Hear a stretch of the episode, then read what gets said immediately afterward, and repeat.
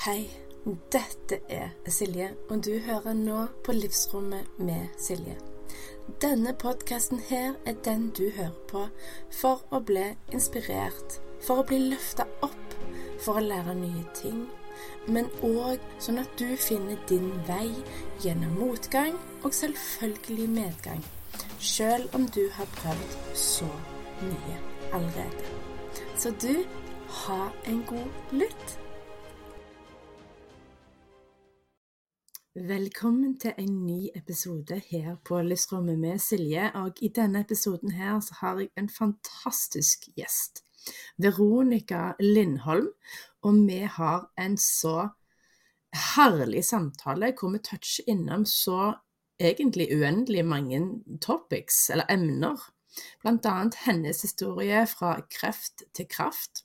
Vi er innom lipidem, vi er innom pårørende, vi er innom ja, vet du hva, du må nesten bare høre denne magiske episoden her. Og denne episoden her er sponsa av superstate.no. Hallo, hallo. Hei. Velkommen til Livsrommet med Silje. Tusen takk. Tusen takk. Det er fantastisk å ha deg her på dette Zoom-rommet. Det er veldig gøy å være med, og jeg har jo mye å dele og fortelle. Så det er veldig flott at du gir eh, ikke bare meg, men mange spennende mennesker mulighet. Ja, det, er, det å ha podkast syns jeg er noe av det kjekkeste jeg gjør. Mm, jeg er helt enig. Eh, det blir liksom sånn en slags livets buffé. Men du får liksom treffe så mange forskjellige folk, eh, smake, oppleve og erfare så mye forskjellig, og det er bare helt, helt nydelig. Mm. Ja. Og så blir det en, en, samtale som ofte er veldig uanstrengt, så man får, får, mer ut av det enn hvis man skulle sitte i et sånt konservativt intervju. Mm. Uh, så jeg syns det er ja, veldig ja. fint. Veldig ja, så bra. Du har jo podkast, du òg? Ja, har det. Ja. Har, eh, det skal jo sies at uh, nå har jeg så mye tekniske problemer, så jeg vet ikke om jeg har podkast lenger, men jeg fins i hvert fall på YouTube. ja. uh, der ligger jeg nå. Ja. ja. Så bra. Ja. Og uh, før vi går inn på på en måte dagens eller ukas tema, da, i denne episoden her, så vil du introdusere deg sjøl? Hvem er ja. Veronica? Ja, jeg heter eh, Veronica. Jeg er kreftsykepleier. Jeg er mamma. Um, jeg, og jeg har så mange hatter, så jeg tror ikke jeg skal gå inn på alle sammen. Men grunnen til at vi sitter her i dag, er jo at jeg i 2020 fikk uh, kreft selv. Um, og det var jo en uh, erfaring å ta med seg. mm. Uh, og det førte jo meg inn på, på en, en, reise som har vært eh, Jeg vet nesten ikke hvilke ord jeg skal bruke, for den har vært veldig spesiell. Den har vært veldig voldsom. Det har vært en stor eh, belastning òg. Det har jo vært et traume å bli mm. dødssyk. jeg holdt på å dø.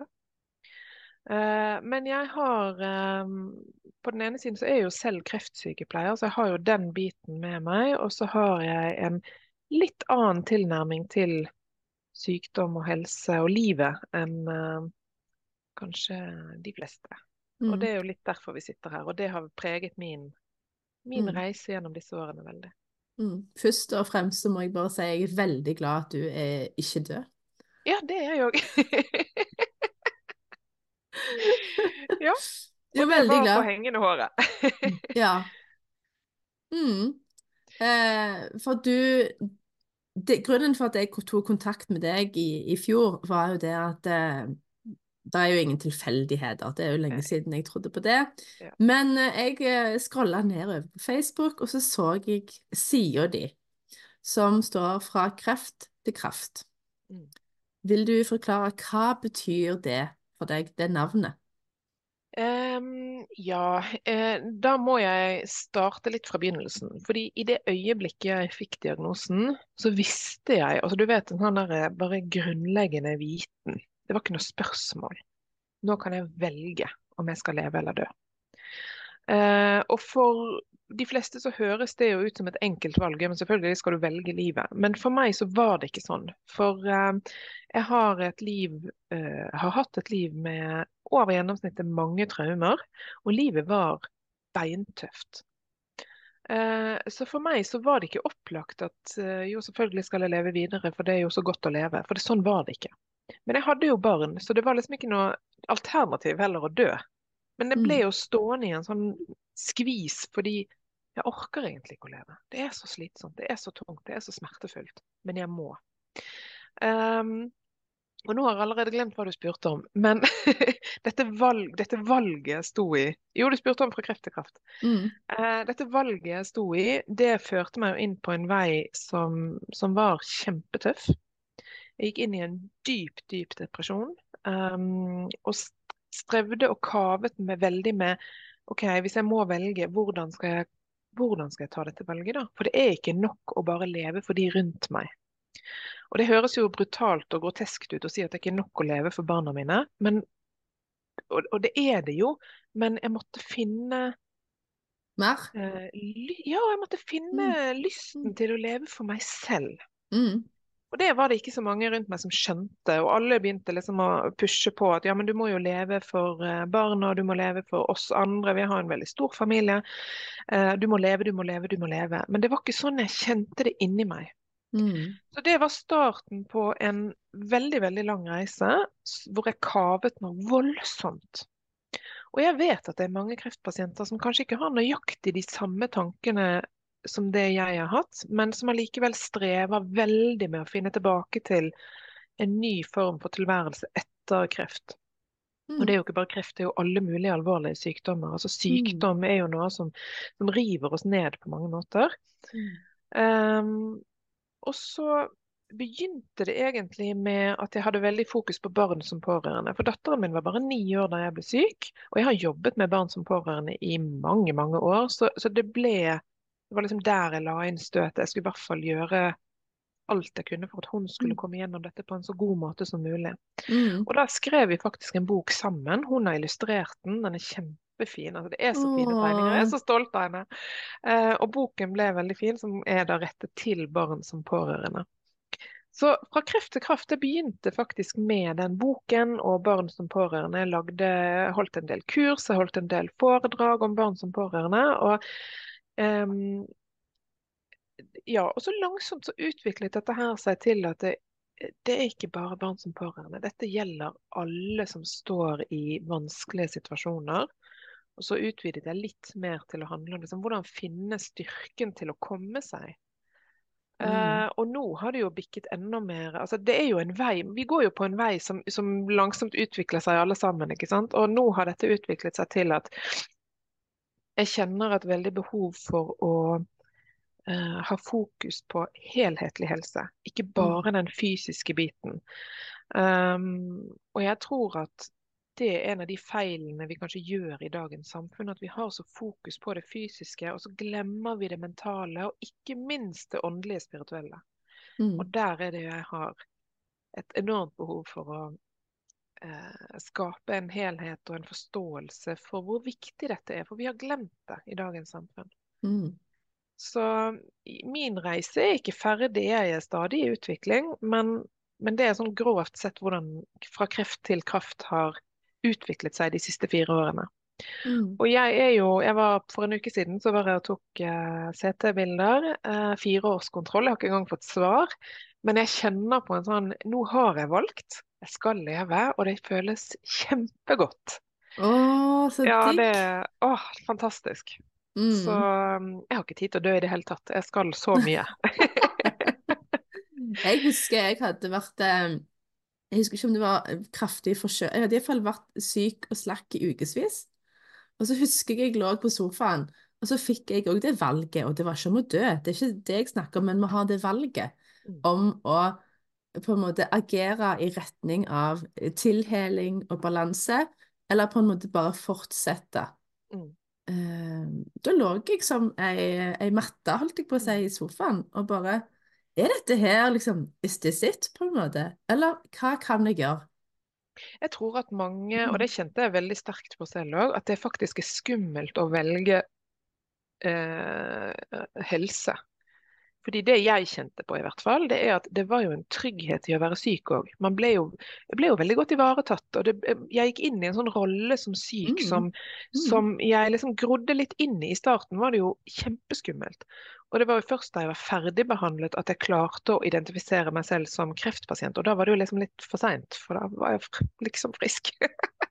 Men jeg ville i starten ikke Mm. inn i rollen som kreftpasient. Jeg syns det var veldig fremmed. Og så etter hvert som jeg vokste inn i den, så kjente jeg på en sånn Nei, men jeg kan jo ikke, kan ikke gå ut av den rollen, for det er jo skummelt.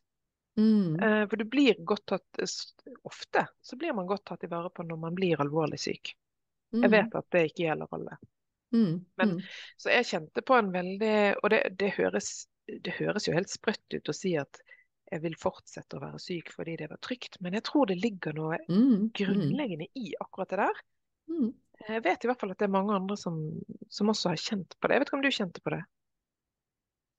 Um, det jeg klarer å kjenne meg igjen i, er at når jeg var gravid med hun første, og til dels hun siste, så hadde jeg så masse bekkenløsning at jeg klarte ikke å gå særlig. Og da blir man jo avhengig av de rundt, og spesielt min mann. Mm. Og da er jeg sånn, man, man blir på en måte så vant med det at det nesten blir Hei, jeg heter Silje, jeg har bekkenløsning, kan du hjelpe meg å ta den tingen der borte? Eh, at man blir på en måte vant med å være et offer. Mm. Og at det krever, krever, krever en del å snu den mentaliteten til Mm. jeg kan ta den sjøl, Mm. jeg kan fikse det sjøl, jeg kan Mm. gå alle plasser jeg vil sjøl. Altså, Mm. ja. Og så tror jeg også det handler litt om at eh, mange i dagens samfunn, og det gjaldt i hvert fall meg selv òg, eh, er utsultet på omsorg og nærhet. Og når man blir syk, så får man mye omsorg. Mm, Eh. Så det ble en sånn slags eh, craving på den omsorgen. Å, kan dere ikke bare ta, ta hensyn og passe på meg? Og det var på en måte en, en trygg rolle å være i, fordi at jeg også savnet denne omsorgen. Og man får jo et mye større behov for omsorg når man er syk. Men, men eh, Og jeg kan fortsatt kjenne på det når jeg går inn døren hos mine foreldre, så er jeg fortsatt Veronica ti år. Altså, det er helt sprøtt i, i visse sammenhenger, ikke i alle sammenhenger. Ja, ja. Men jeg går inn i en annen rolle hvor det er litt lettere å være offer. Og det, det er veldig ubehagelig å kjenne på det.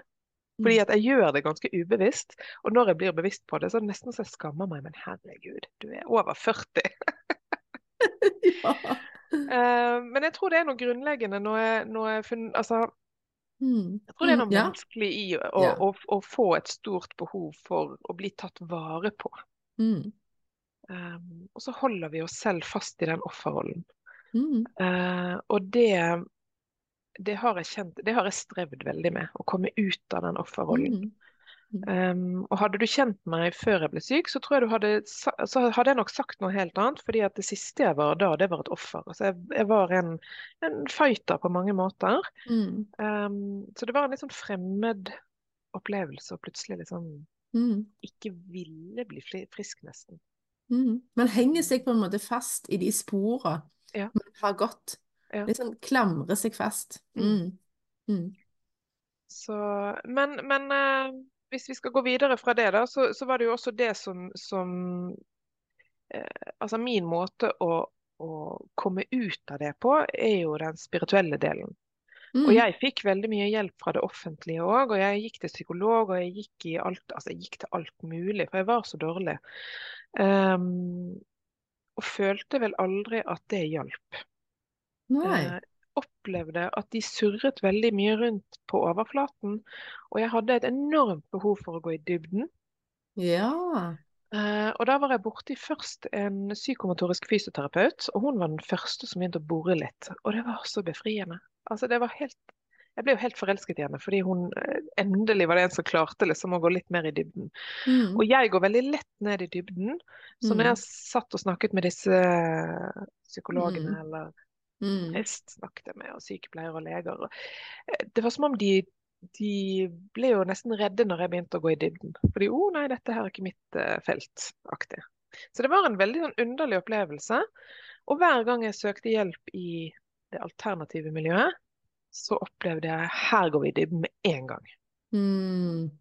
Mm. Så, så jeg opplevde en veldig forskjell i tilnærming til Mm. En ting er sykdommen, men, men den, den depresjonen og det psykologiske og, og mentale Mm. aspektet av det. Um, som var Mm. ganske fundamentalt forskjellig. Mm. Mm. Ja, absolutt. Og så vet jeg at det er selvfølgelig mange dyktige psykologer og terapeuter der ute, så det blir jo litt urettferdig å bare sitte og si at det ikke hjalp, men, men eh, det var Det min jo- erfaring. Ja, det er jo din opplevelse. Du er jo ikke her for å snakke om alle andre sin opplevelse. Det er jo, det er jo din historie som skal komme fram. Mm. Mm. Jeg har jo fra jeg var eh, bitte liten, så langt tilbake jeg kan huske, vært eh, veldig åpen, veldig spirituell, veldig sensitiv. Eh, og jeg så ting som barn, og jeg snakket med mine engler og guider, og, eh, Mm. og det var liksom den naturlige verden for meg. Mm. Um, så for meg så har det jo også vært lettere å, å finne de riktige hjelperne, fordi at jeg var veldig åpen for Mm. alt allerede. Mm. Mm. Og det vet jeg at mange strever med å finne ut, ja, men hvor skal de starte? Mm. Mm. Ja, hvor skal de starte hen, da? Ja, det, det er jo heller ikke noe fasitsvar på det. Jeg kan jo Nei. fortelle hvordan jeg startet. Ja. Uh, og det var Jeg har jo alltid hatt en veldig sterk bevissthet på kosthold og betydningen av sunt Mm. kosthold. Og da jeg ble syk, eh, eller etter behandlingen, må jeg heller si, eh, da hadde jeg en veldig sånn klar tanke om at jeg må gå inn i en sånn lavkarbo-diett. Men jeg hadde så lite krefter, jeg var så nedkjørt. Mm. Så i nesten to år så levde vi på Grandiosa og Toro posesuppe. Altså litt sånn satt på spissen. Mm. Fordi jeg hadde ikke krefter til å ta tak i det, selv om jeg visste at det her, dette er en løsning. Dette er en Mm. måte å få det bedre Mm. på. Mm. Eh, og i begynnelsen så syns jo ungen at det er supert, pizza til middag igjen, ha-ha. Men det var jo med til å forsterke smerten min, egentlig. Det var jo med Mm. til å kjøre meg lenger ned. Og etter Mm. hvert så var det ikke så veldig gøy med pizza igjen, igjen, igjen. ikke sant? Mm. Eh, så det var, så jeg skal ikke fremstille meg selv som at dette her var enkelt eller en quick fix, for det var det ikke. Men eh, jeg fikk, eh, for halvannet år siden så fikk jeg beskjed om at jeg hadde fått tilbakefall. Og det var som om at da tok jeg tak. Da greide jeg det. For da snudde Ja. alt. Og det første jeg gjorde, var jo kosten. Mm. Fullstendig kostomlegging. Uh, og eh, gikk inn i en eh, lavkarbo-ketosediett. Mm. Uh, og gikk til en biopat. Mm. Så det var egentlig sånn det begynte. Sånn at, og, og det er litt Man skal ikke gape over for mye om gangen heller. Og det Jeg ville jo helst gapt overalt på en gang, men det går ikke. Så man må liksom velge ett sted man begynner. Og det langsomt så bygget jeg meg opp fra å begynne hos biopat og gå jevnlig til biopat. Eh, og så la jeg til ett og ett kosttilskudd, og så fjernet jeg en og en ting fra kosten. Så det var en, en, en sånn langsom prosess Mm. parallelt med at jeg gikk i veldig mye eh, Jeg gikk i regresjonsterapi, jeg gikk i hypnose. Og nå vet jeg du har hatt eh, Birgitte Vedsted på podkasten din. Mm. Jeg har gått veldig mye hos henne og fått enormt god hjelp. Og det um, Det er sånne ting som har vært uh, skapt den, den helhetlige reisen, da. Mm. Um, Jeg må bare tilføye en ting med motivasjon. Når man skal gå inn for en sånn endring, gjerne en sånn komplett kostholdsomlegging eller sånn, motivasjon er jo så ulikt for folk. mm, De aller fleste trives definitivt best med steg for steg, mm, men så er det noen få innimellom, eh, og der har jeg, der er nok jeg, som kan, kan på en måte favne veldig mye på en gang. mm, fordi jeg setter meg inn i det på forhånd. Mm. Jeg opparbeider meg den kunnskapen jeg trenger, handler inn det som trengs, og så går jeg egentlig all in fra flest mulig vinkler, for det er sånn jeg er. Så leddgikten ble jo fiksa sånn. mm, Det tok jo lang tid. Mm. Og det var jo òg sånn jeg på en måte opererte med når jeg eh, begynte å se på lipødem og prosessen i kroppen som ja, Mm. holder relatert til det, da.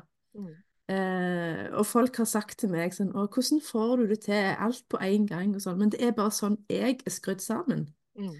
Men jeg har den største respekten og forståelsen for at alle andre er jo ikke sånn.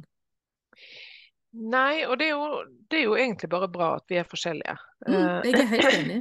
Mm, jeg kjente jo på, før jeg Um, Altså de første to årene, da hadde jeg vel kanskje heller ikke så mye motivasjon til å gjøre de Mm. endringene. Fordi eh, jeg var så nedkjørt, jeg var så ødelagt etter behandlingen. Mm.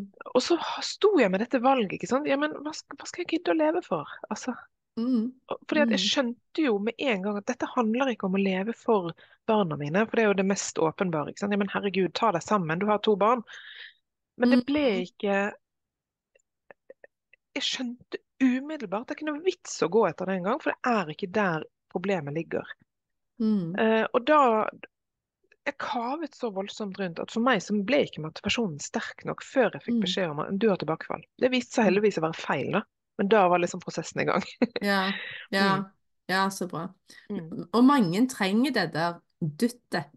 Smekk rett i trynet. Yes, og da er det bare ja, let's go. Og jeg husker jeg sto jo i stuen med nevene knyttet og skrek opp til Vår Herre at er det lov å banne? Ja. Ikke, ikke F, nå skal jeg ikke banne. Ikke om, om du får lov å ta meg nå. Jeg skal leve. Og det, ble, Ja. det var en sånn brå endring. Mm, Fordi én ting er jo liksom ja, men jeg er jo frisk, jeg er ferdigbehandlet, og så surrer jeg og går i det. Men plutselig å oppleve det derre Nei, du er ikke frisk. mm, Ja, bror har våknet. ja. Mm. Så bra. Ja. Ja, vi trenger å, å, å vekkes. Ja. Ut av dvale, ut, Ut av av eh, autopiloten, ut av eh, det vi på en måte har gjort hele livet. Mm. Mm. For vi er vane, med vanedyr. Vi er det. Ja. Eh, og jeg kan se tilbake til hvorfor jeg fikk leddgikt. Ja. Og jeg kan se tilbake til, på det uten skam, skyld, bebreidelse, dårlig Mm. samvittighet, men mer med en nysgjerrighet, men òg omsorg og kjærlighet. Mm. Kunne du det sånn umiddelbart? Nei, det, Nei. Det, det er en prosess. Ja. Ja. Det er også min Altså, det kan jeg gjøre nå. Nå kan jeg være takknemlig for kreften. Mm. Eh, og jeg vet også nøyaktig hvorfor jeg har fått det. Og jeg sa det til, eh, til uh, lege alle, alle som gadd å høre, så sa jeg at jeg vet hvorfor jeg har fått kreft, det er pga. traumer. Og alle unntatt én lege ristet på hodet og bare nei, nei, dette er tilfeldig, du er ung og frisk, og det er ikke noe i veien for at Altså, dette er Mm. bare uhell. Mm. Du har uflaks? uflaks. Uflaks så det suser. Nei, Mm. Det, dette er ikke uflaks i det hele tatt. Jeg Mm. vet hvilke, og jeg vet også hvilke traumer det kommer fra. Uh, og så snakket jeg med én lege, anerkjente det, han var nikket, ja det er nok riktig, sa han. Men han var inder. Og tenker, kan jo hende han har en bakgrunn som, som er litt annerledes enn de norske legene. Og at han har et litt mer åpent syn på at det er en sammenheng. Jeg vet ikke. Mm. Mm. Men eh, jeg mener jo også at min kreft gikk enda lenger tilbake. Altså at det var forbundet med tidligere liv. Mm. Så jeg vet ikke om dine lyttere er åpne for å snakke om sånt, men eh, Vi har snakket litt om regresjon før, mm, og jeg delte jo òg litt i eh, episoden med Birgitte om at jeg var en eh, kvinneforkjemper, en feminist i mitt forrige liv som ble eh, presset ned av mannen og normene og samfunnet. mm, Mm. mm, Og jeg kjenner jo at det, liksom det der, både, altså både kvinners rettigheter i samfunnet generelt, men òg at kvinner kan ha det så sykt mye bedre enn det veldig mange har i dag. mm. Da tennes min sjel on fire og bare mm. Jeg er helt enig, og jeg hadde en samtale med noen andre i går om akkurat dette her. fordi at den, den, vi, vi kvinner har jo blitt presset inn i en, en maskulin Mm. form. Uh, og jeg jo kjenner at jeg har jo lidd veldig under det, for jeg har jo vært alene med barna hele tiden. Og det å Mm. være både mamma og pappa og maskulin og feminin hele tiden, det, det er ikke, ikke bra for meg i hvert fall. Nei. Jeg har lyst til å være mer feminin og være mer i, i Altså, jeg elsker morsrollen. Jeg er skapt til å være mor. Mm. Og så får jeg ikke vært bare mor fordi at jeg må ta alle disse andre rollene i tillegg. Mm. Um, så jeg føler at det har skadet uh, Jeg tror det er skadelig for samfunnet. Mm. Mm. Rett og slett. Og ikke Mm. minst våre små barn. Som Mm. Ja. Mm. Ja, absolutt. Men det er jo en annen prat. Ja. Men eh, hvis vi skal tilbake til det her, jeg kan jo si litt forsiktig, da. Ehm, jeg har ehm, fra jeg igjen så langt tilbake jeg kan huske, hatt minner fra tidligere liv. Eh, flere tidligere liv. Og ehm, de har nå bare ligget der og vært en del av meg. Ikke tenkt så mye over det. Eh, men da jeg ble eh, syk, så plutselig så ble flere av disse livene veldig, veldig påtrengende. Og det var sånn at jeg klarte ikke å fungere nesten i hverdagen fordi at eh, disse minnene lå liksom sånn som lokk over meg hele tiden. Um, og jeg, jeg tenker nå i etterkant at jeg ble presset til å ta tak i eh, disse livene også for å forløse de traumene som lå der. Så det gjorde jeg. Um, og for hvert liv jeg gikk inn i og forløste og jobbet med, jo mer jeg slapp det. Mm. Um, hvordan visste du at det var forrige liv? Altså, eller bare en kreativ eh, oppfinnsomhet? Mm. Godt spørsmål, og jeg har prøvd Ja. å forklare det mange ganger. Og jeg vet ikke om, om jeg klarer å gi en god forklaring, men det er Én ting er at du forteller meg hvordan det ser ut i huset ditt. En annen Mm. ting er at jeg kommer på besøk og ser selv hvordan det ser ut. Mm. Og det er den siste jeg opplever, at dette her er ikke noe jeg har um, Mm. hørt eller skapt, eller dette, Jeg er der. Mm. Eh, jeg er øynene som ser, hjertet som føler. Um, Mm. opplever smertene, jeg opplever sorgen. Og, det, og så kan du si ja, men det kan du skape i ditt eget liv. Du, du kan lese en bok og sitte og grine. Men eh, ja, jeg vet ikke om jeg klarer å, å gi deg noe godt svar på det, men det er Jeg, jeg tror jeg skjønner. Ja. ja, Det er ikke er- noe du har fått utenifra, det er noe som kommer fra deg, på en måte. Ja, Mm. veldig. Um, og en periode i livet mitt var det veldig problematisk, fordi at det var så sterkt at jeg ikke no, Noen ganger så klarte jeg ikke å skille eh, Opplever jeg det nå? Eller var det en drøm? Eller, altså, det var så Mm. sterkt at, at jeg, det var ting jeg, jeg hadde opplevd som jeg ikke klarte å eh, Eller ting jeg husket som jeg ikke klarte å skille. Skjedde dette i min barndom, eller skjedde det i et annet liv? Altså, så sterkt flettet Mm. sammen var det. Mm. Um, så jeg måtte egentlig bli voksen før jeg klarte å dele det opp og si at ja, men dette har skjedd i dette livet, og dette har skjedd i et annet liv. Mm. Og så kjenner jeg også på en litt sånn Men det er ikke så nøye eh, om det er fantasi, eller om det faktisk er noe jeg har opplevd. Fordi poenget er å forløse den smerten som Mm. følger med, uavhengig Mm. av om det er fantasi eller virkelighet. Mm. Eh, og det var jo det jeg gjorde. Og da, i takt med at jeg gikk inn og forløste, og jobbet med det, da slapp også disse minnene mer og mer. Og jeg opplevde Men det er også litt spesielt, da. Jeg, hadde, jeg har et liv som har fulgt meg veldig, veldig lenge, og som en bare eh, Det har bare ligget der. Det har ikke vært sjenerende, det har ikke vært eh, problematisk å, å ha dette minnet i det hele tatt. Hvor jeg opplever meg selv som en ridder og blir drept i full galopp på hest og lykkelig og glad, og så blir jeg drept med et spyd i siden. Um, og det som er underlig, det er at dette minnet har jeg jo hatt fra jeg var ganske liten, Mm. eh, men kreften kom nøyaktig der hvor dette spydet tilsynelatende da traff. Oh. Nøyaktig. Ja. Um, hmm. Og det kan man jo også stille spørsmålstegn ved. Har jeg, da, har jeg da manifestert det selv da, ved å vite at jeg har jo liksom blitt drept en gang akkurat der? Men jeg har jo mange andre liv hvor jeg har blitt eh, dødd eller blitt drept på andre måter. ikke sant? Så Mm. Ja.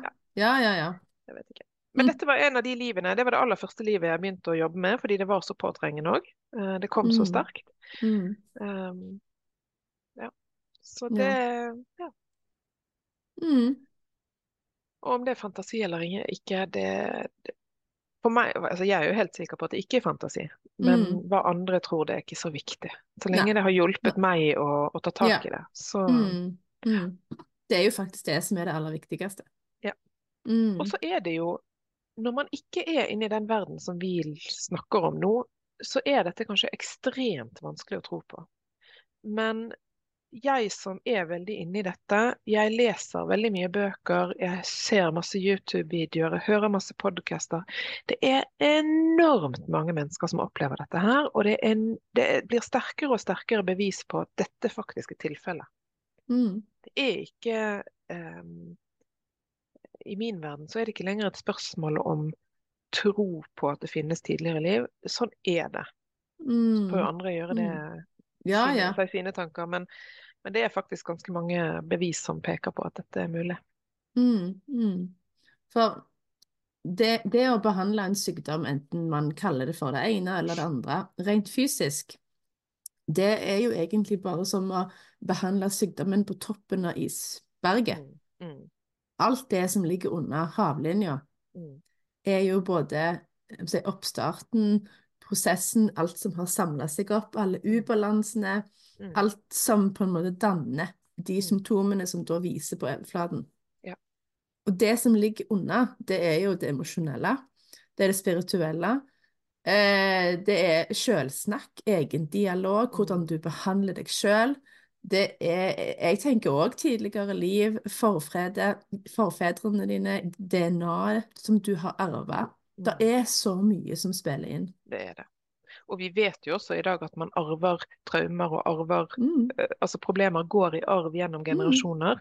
mm, Eh, og det er liksom ikke noe, noen som stiller spørsmålstegn ved, fordi at det kan man eh, Hva skal jeg si Det, det blir på en måte nesten fysisk. Eh, men alt det andre og Det er som om Jeg vet ikke. Det er som om samfunnet har kommet inn i Altså vi skal undertrykke tanker og følelser hele tiden. Følelser er liksom svakhet. mm, Uh, og jeg ble jo selv fortalt når jeg var liten at uh, jeg, jeg var altfor følsom og oversensitiv. Og uh, mm. oh, Veronica gråter så lett. Og, og, og, så, så det ble jo allerede fra helt liten en bevissthet rundt at følelser er noe skamfullt. Følelser er eh, ikke det som får lov til å styre min virkelighet. Eh, eller skal ikke være det. Og så det, var det jo det allikevel. mm. Så jeg tror at samfunnet har lagt opp til at vi har ikke tid til å føle heller. Så vi lever Nei, nei. jo i et sånt hamsterhjul, ikke sant. Så følelser, det må undertrykkes hvis vi skal få alt til vi vil i Mm, denne fysiske mm. verden. Og jeg opplever at vi har kommet til et punkt nå hvor eh, veldig mange mennesker opplever at dette går ikke lenger. Mm. Og jeg tror Ja, ja. det er derfor sykdom oppstår og, i mange Mm. tilfeller. Fordi at vi har Mm. undertrykt og undertrykt og undertrykt. Mm. Og mange bekker små. ikke sant? Vi tåler én liten belastning, og vi tåler Mm. kanskje to og tre små belastninger. Men alle de belastningene vi påføres i samfunnet i dag, det er klart det blir sykdom av det. Mm. Mm. Jeg tenkte Eller eh, du er jo kjent med human design, sant? Ja, ikke Mm. veldig. Men- Eh, Det er jo sykluser i human design òg. mm, Og det er det jo på en måte sånn tidsepoker, perioder, hvor vi nå nærmer oss slutten på en som har hatt en bakgrunnsfrekvens som heter the cross of planning. Ja. Og the cross of planning, det handler om hva er det beste for fellesskapet. Og der har vi vært i snart 400 år. Og hvis du tenker igjen tilbake til sånn grovt historisk sett, mm, industrielle revolusjonen, eh, jobbe på akkord, eh, rullebånd, eh, yte, yte, yte, go, go, go, Mm. for å eh, tjene samfunnet, for å komme med ditt bidrag. mm. Men i 2028 så entrer vi noe nytt. Det er så spennende. Ja, jeg vet det. Og vi har sett Altså, hvis du legger merke til og tenker litt tilbake i tid nå, så har du sett at det skjer mye. Det er liksom det, det er liksom foreplay Mm. opp til 2028, og da går vi inn i uh, Phoenix, altså Rise of Phoenix. Mm. Jeg gleder meg. Og da vil bakgrunnsenergien, eller bakgrunnsfrekvensen, endre seg mer Mm. fra fellesskapets beste til hva kan, hva vil jeg Mm. Bidra med? Mm. Hva vil jeg bjuda på? Hva er riktig for meg? Så det blir jeg, ja, det blir, ja, det blir helt fantastisk. Og jeg ser jo det også. Vi er jo mange som deg og meg, som nå prøver å spre et budskap, som prøver å være noe annet enn et samlebånd. Ja, ja, ja. og, og, og vi er mange. Vi er kjempemange. Og jeg tror at det, det er jo opptakten til Mm. dette i 2028 som du snakker om, da. Ja, og så er det òg denne her Fugl Føniks. Den går jo, brenner jo ned i aska, Mm. og så opp av aska stiger jo den nye fuglen. Ja, og det er jo akkurat det jeg føler jeg har vært Yes! gjennom. Og det er òg akkurat det som egentlig er både i gang nå, Altså Mm. økonomien, Mm. kriger, diverse, diverse. Helsevesen, skolevesen, Ja, alle ja, ja, ja. ja. Fordi at de må på en måte brenne litt ned for å bygges opp. Mm. Helt riktig. Mm. Og derfor, for det er veldig mange som er redde nå, fordi man ser jo Mm. at det, det koker, ikke sant. Mm. Og jeg pleier å si til alle som gidder å høre, vi går mot noe bedre. Så jeg opplever at verden rundt meg koker, og så er jeg bare inne i en sånn Ja, ro at dette her er helt fantastisk. Dette, det som skjer nå, det er helt riktig.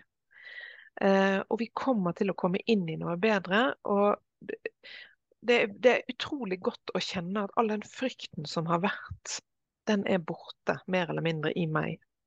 Og jeg Mm. unner alle å gå inn i den roen som jeg er i nå. For det, Mm. det er godt. Mm. Og Ja. i seg selv skaper jo sykdom. Ja, det gjør det. Um, og det, det tenker jeg i forhold til de siste fire årene vi har vært igjennom nå. Altså hvordan Jeg begynte jo på cellegift samme dag som Norge stengte ned.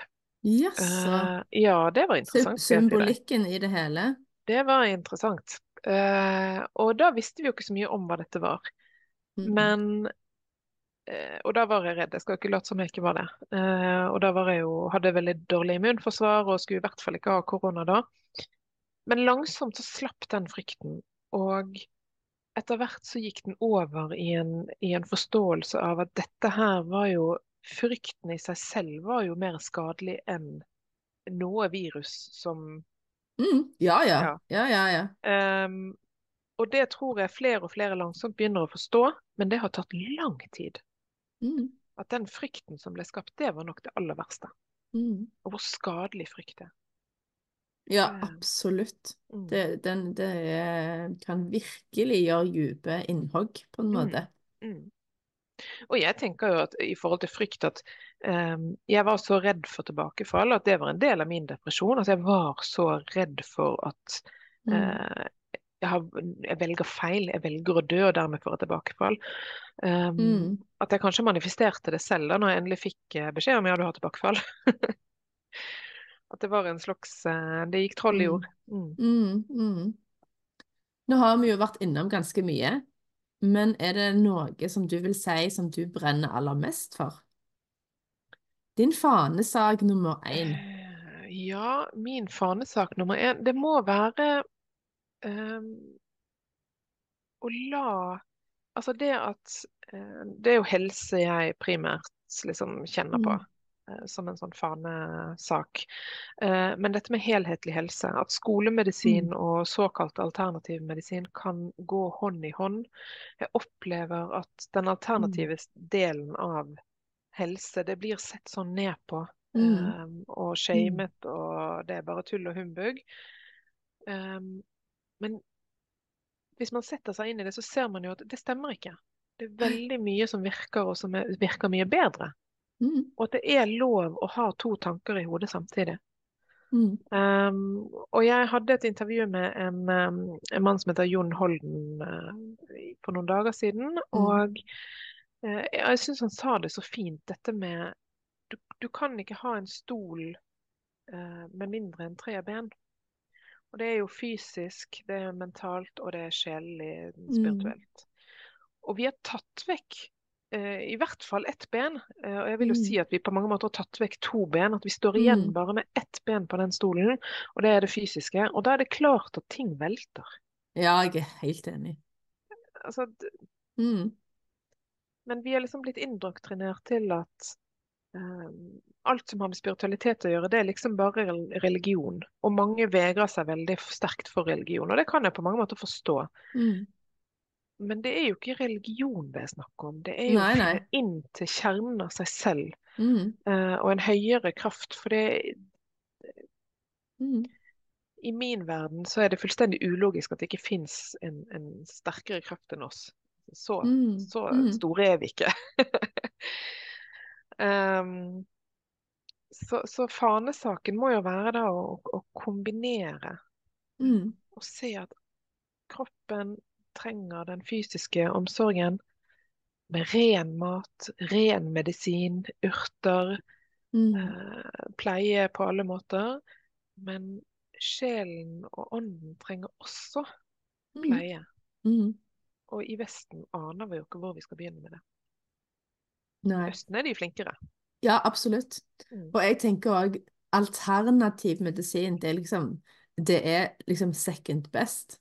Mm. Men hva var egentlig først? Ja. Jeg altså liker ikke det der eh, Ja, ja. ordet egentlig, Ja. men uh, i mangel på noe bedre. Ja, ja. Jeg, jeg, Men- eh, hva med komplementærmedisin? Ja, eller uh, Altså, jeg leser en bok nå som heter um, uh, 'Vinden er min moder' av Bearheart, en nordamerikansk indianer. Den er helt nydelig. Og Mm. måten han, han var jo da eh, medisinmann.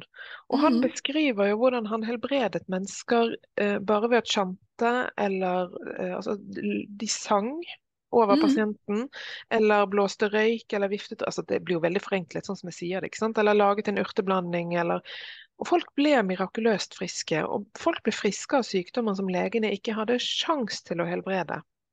Mm. Og hvorfor det da skal eh, latterliggjøres eller ehm, Men det er jo fordi de ikke forstår det. Jo, men De det er også ikke- fordi at det ikke snakkes om det. Ja. Folk vet jo ikke dette her. Altså de, de må jo ha double blind studies, og de må Mm. ha så og så mye gullstandard her og Mm. gullstandard der. og Mm. Det må på en måte dokumenteres, og kun da er det legit. Og jeg har jo hatt mange diskusjoner i forhold til det, jeg vet ikke om vi får lov å gå inn på her, men det har jo vært eh, noe medisin som har kommet de siste årene som noen ikke har eh, Noen har vært veldig glad i, og andre ikke. Mm. Eh, og da har jo en av argumentene for å ta denne medisinen har jo vært ja, men stol på, på eh, Myndighetene. Ja, ja, i stol på myndighetene, men også stol på the science. Nå mangler jeg ordet. Hva heter det? Eh, Kunsk... Eller eh, vitenskapen. Vitenskapen. Takk. Mm. Mm. Eh, hvor jeg har sittet med en sånn intuisjon på at ja, men vi kan Mm. ikke bare stole på vitenskapen. Hva med intuisjonen? Hva med det som forteller meg eh, Altså, det skrek i hele meg. Ikke ta det.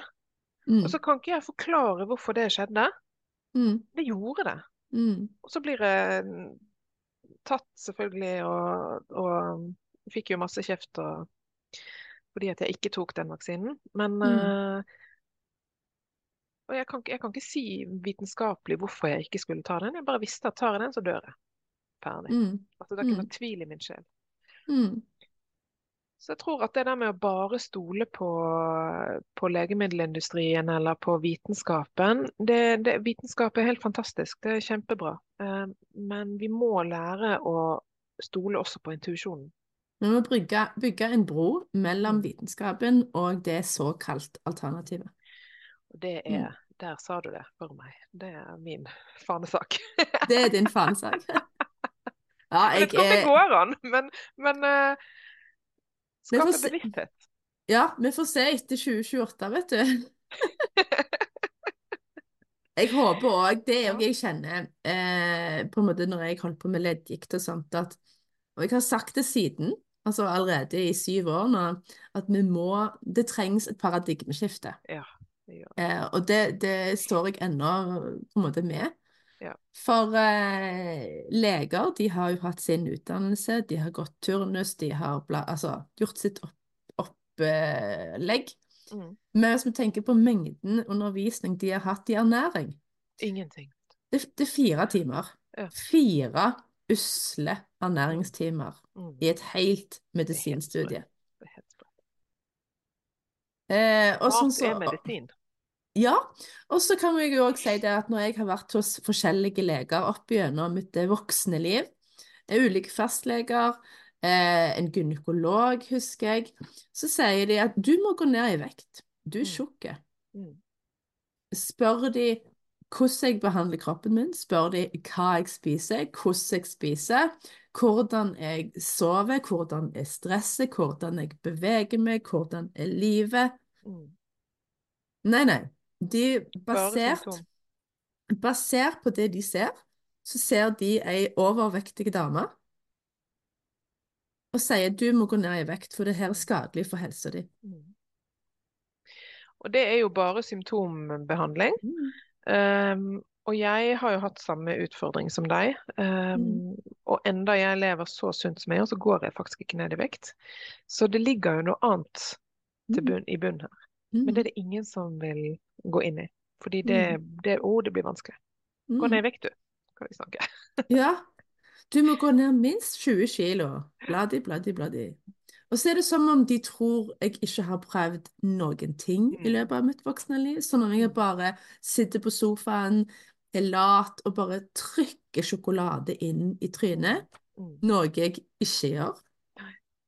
Ehm, ja. Men det er, da, da er vi jo også litt tilbake, vil jeg tenke da, på at kvinner er mer intuitive, kvinner er mer følelsesmennesker. Og følelser er knyttet opp mot vann, og vi har mer vann i kroppen f.eks. Mm. Men alle disse kvinneproblemene, de passer ikke inn i den mannsdominerte verden. Og den, mm. altså vi, vi er presset inn. Altså, menn har en 24 timers syklus. Kvinner har en månedssyklus. Ja. Og så skal vi passe inn i den mannlige 24 timers syk- syklusen, og det går ikke. Og da får vi problemer. Og så Mm. legger vi det på alt mulig annet og sier f.eks. dette her med vekt. ikke sant? Ja, men bare gå ned i vekt, så løser alt seg. Mm. Men dette handler om et så mye større bilde. Mm. Um, og mange kvinner har jo uh, Nå nevnte du lipidem, det er også noe jeg har. Uh, mange sliter med endometriose. Altså det finnes så Mm. mange kvinnesykdommer som, som ikke blir tatt på alvor Mm. fordi man ikke Jeg tenker at vi er skvist inn i en verden hvor, som ikke passer for oss. Ja. Og vi må ut av den for å bli friske. Det er denne her eh, vulvodyni, vaginisme, Ja. PMDD, Mm. eh, alvorlig PMS, som egentlig er PMDD. Mm. Eh, det er masse Mm. som er på en måte kvinnesykdommer, og det har jo egentlig dessverre i lang tid ikke hatt høyeste pri Nei, i medisin eh, Og vi og nå. Mm. Ja, og vi ser også ME, hvor mye det har blitt shamet, ikke sant. Og det er bare, du er bare lat. Ja. Mange, og det er primært kvinner som blir ramt av det. Og, og hvor Mm. mange som får beskjed om at du, du må bare ta det sammen. Mm. Um, og det, og det er det er jo forferdelig for disse menneskene som opplever dette her. Og jeg har Mm. jo kjent det veldig sterkt på kroppen selv òg.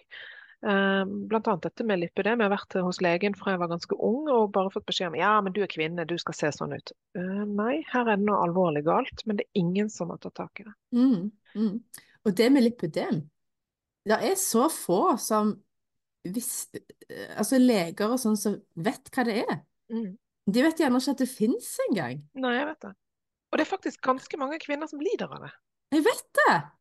Mm. Jeg føler nesten at jeg, jeg ser kvinner Hvis jeg er ute på ting utenfor husets fire vegger, så føler jeg nesten jeg ser noe ny hver dag Ja. som sannsynligvis har Mm. en grad av lipidem. Og jeg får noen ganger lyst til å gå bort til dem og si hei, vet du at du har lipidem?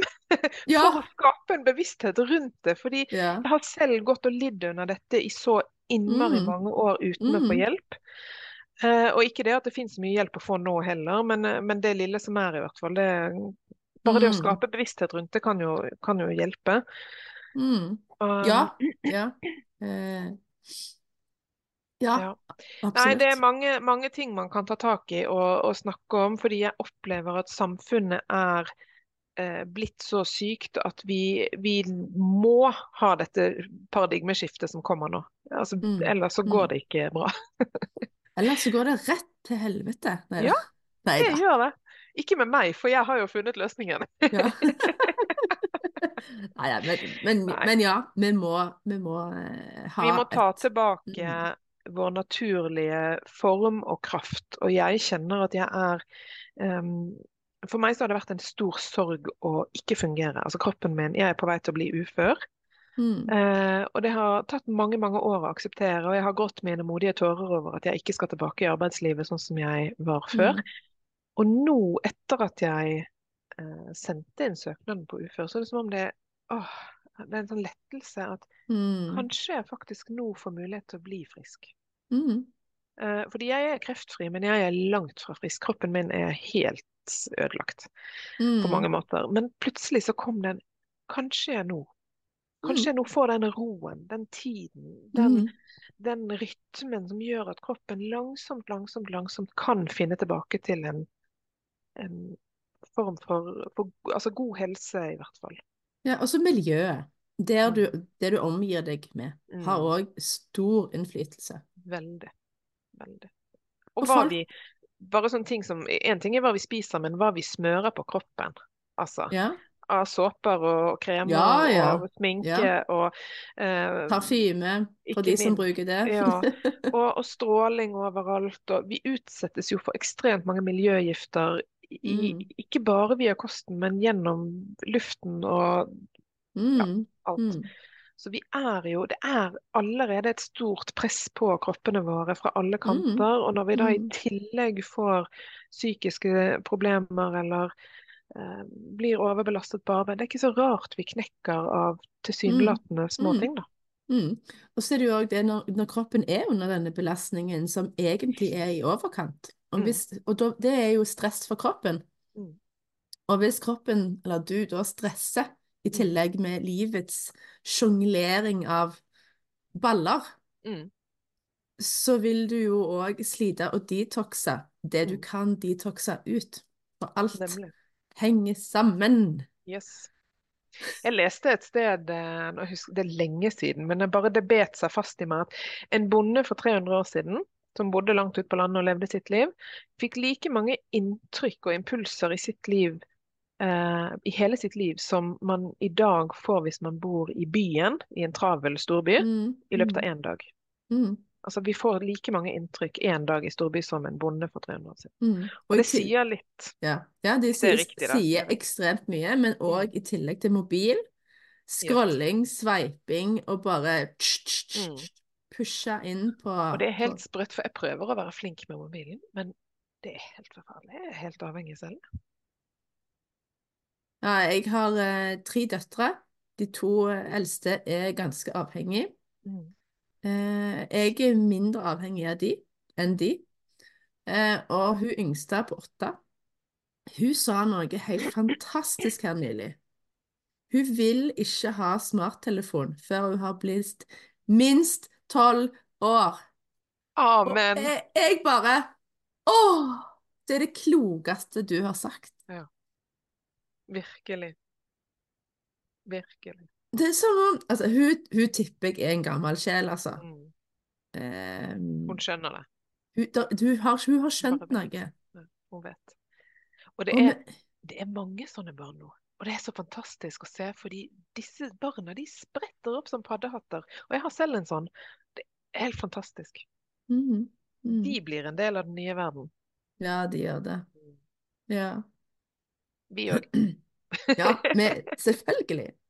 Så meg og deg, vi brenner jo òg veldig for helhetlig helse. Mm. Det var vel egentlig det som brakte oss eh, sammen. Mm. At vi begge to har gått eh, en reise, litt ulikt, men litt likt allikevel, Mm. eh, hvor vi har landa i at eh, den viktigste relasjonen vi har i livet vårt, det er til oss sjøl.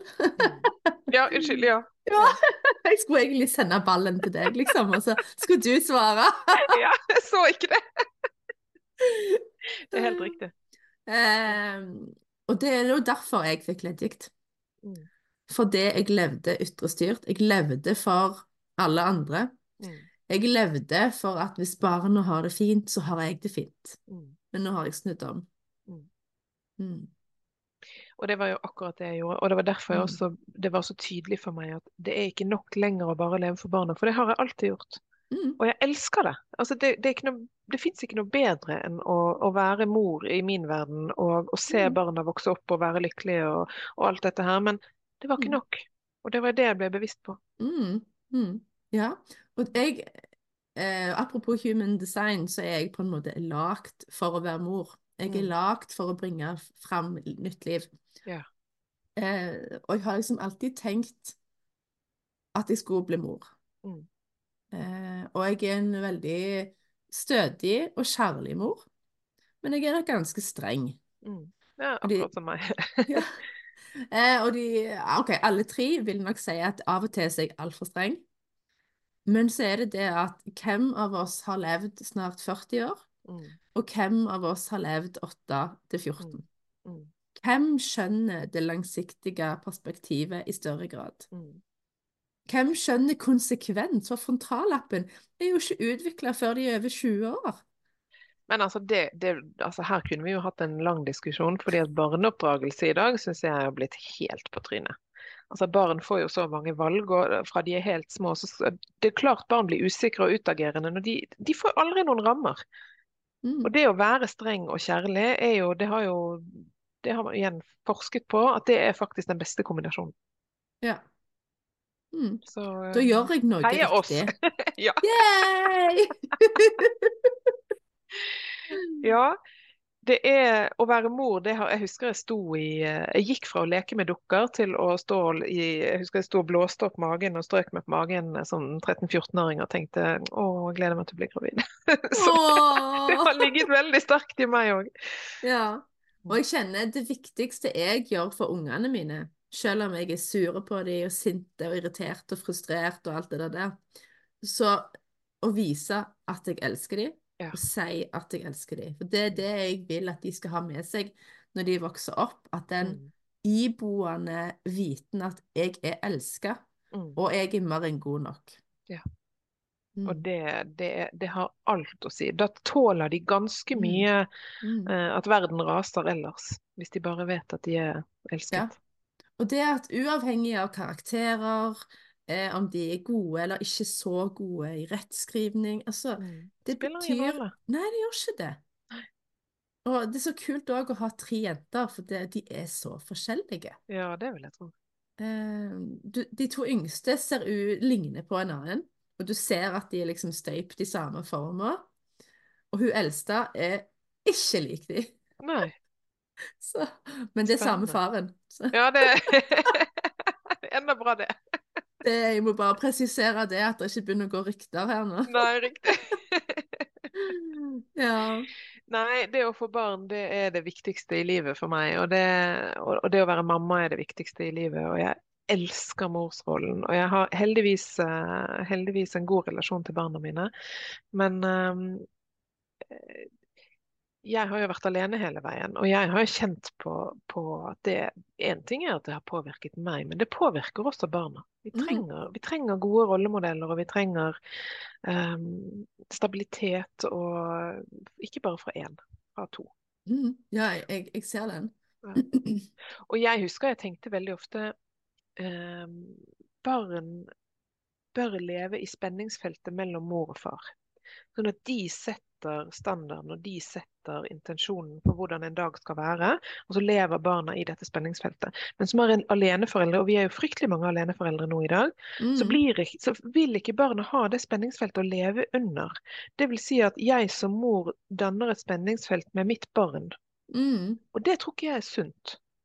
Uh, jeg tror at barna på ubevisst i hvert fall har eh, mistet den muligheten til å bare være barn. Mm, Eh, så selv om Nå har jo det blitt sånn for meg da, at jeg var alene, men, men jeg tror ikke det nødvendigvis er bra. Så, Mm. Men eh, Mm. det med barn, det kunne vi hatt en egen podkast om, for det Det er også noe som opptar meg mye. Ja. Og dette med barn som pårørende har jo vært kjempeviktig for meg.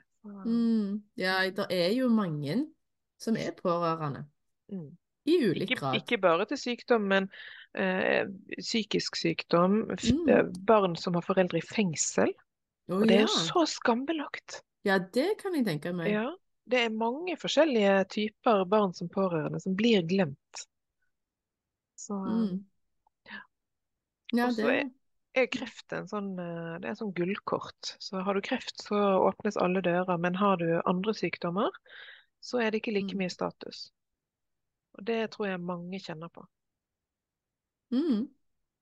Og det, jeg må jo ta med det òg, nå sporer vi litt av. Men jeg, i starten, da jeg begynte å få kontakt med Nav fordi at jeg ikke klarte å jobbe, så opplevde jeg en del ubehagelige møter. Mm. Eh, og de har jo ikke egentlig lov til å spørre hvorfor jeg er syk eller sykemeldt. Um, og jeg hadde en sånn Jeg skal ikke si hvorfor jeg er syk. Så har ikke de noe mer. Og i det øyeblikket jeg snudde og begynte å si at jeg hadde kreft, så plutselig så var det ikke måte på hvor lett jeg fikk hjelp, og hvor mange dører som åpnet seg. Å. Så det var en veldig, ja, det var en veldig trist uh, erfaring. Um, Så jeg tror at mange opplever stigma og fordømmelse Mm. også fra Nav, fordi de uh, ikke har det gullkortet å slå i bordet med. Mm, mm. Men så er det jo òg det aspektet med Nav og på en måte dagpenger eller sykepenger eller Det er jo dessverre sånn at ikke alle sjeler i Norge er ærlige sjeler. Nei, det er riktig. Og da Jeg- blir det jo fort sånn. Ja, jeg satt på bussen der jeg bodde før, for mange år siden. Mm. sitter det to eh, ungdommer foran som forteller om hvordan foreldrene snylte Nav. Og jeg bare åh, come on. Trengte jeg å høre dette? Nei. Nei, det har man Og- ikke lyst til å høre. Og, og de skrøyta av det. At Mm. liksom foreldrene var så lure og lurte Nav. Mm. Å, fy søren. Ja. Det er ekkelt å høre. Og jeg tenkte bare Hvor har samfunnet kommet henne? Mm. Og vi er jo, vi, det er jo veldig mange mennesker som er avhengig av det systemet som faktisk Mm. plukker oss opp når vi blir syke. Og jo flere som da lurer, så altså, Nei, uff, nei, dette var vondt å høre. Ja, Men jeg vet jeg vet det er sant. Ja, ja, dessverre så er det Så Og det er jo ikke så rart at man blir kynisk når man jobber i et sånt system, fordi man møter jo på disse her. Ja. Det er liksom den enkle vei, utveien Mm. til et lett liv. Ja.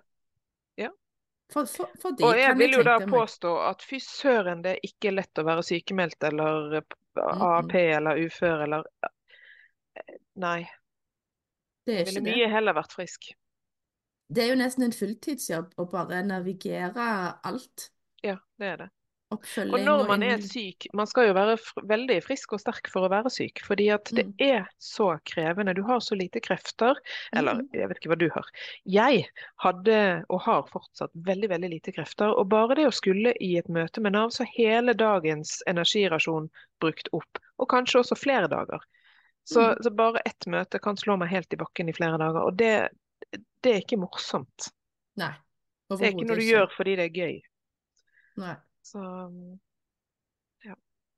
Pluss plus legetimer og tannleger og barnas uh, oppfølging og ikke sant. Mm. Det, ja, Mm. det, det Hva- koster. Hva gjør du for å ta vare på din energi? Uh, jeg har blitt veldig mye flinkere til å si nei. Mm. Jeg har blitt flinkere til å skrive avtaler. Altså, jeg, ofte når jeg, hvis det er travle perioder, så blir jo kalenderen full. Og Mm. da pleier og det er så lett å ha avtaler med andre.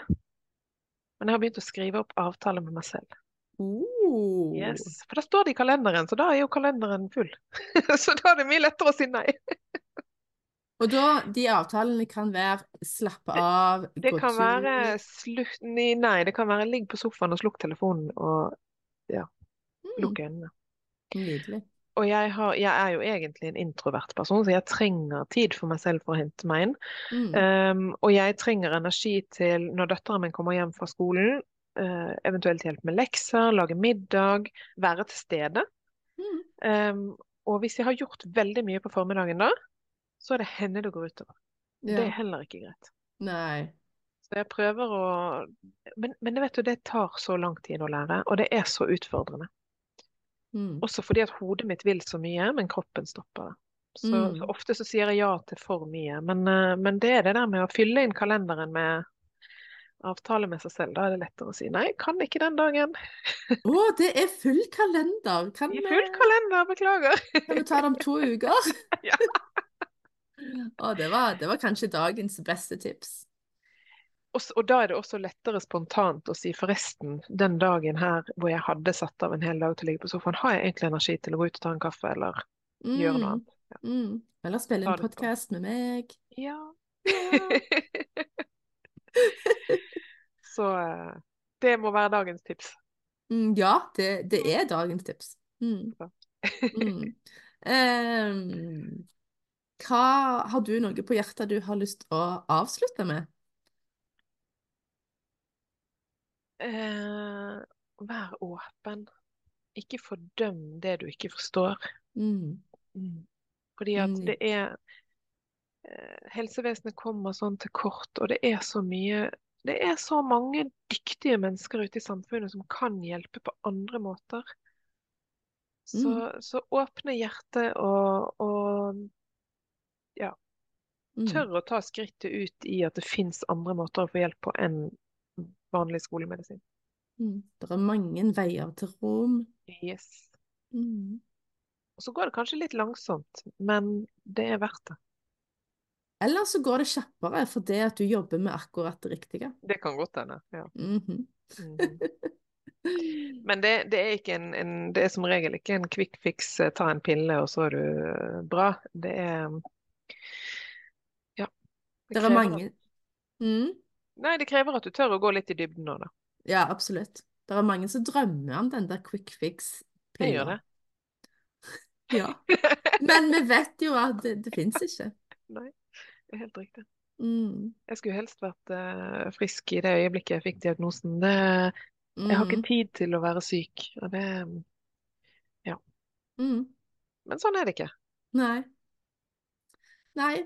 Men du, tusen takk for en eh, fantastisk eh, gjesting her på, på podden.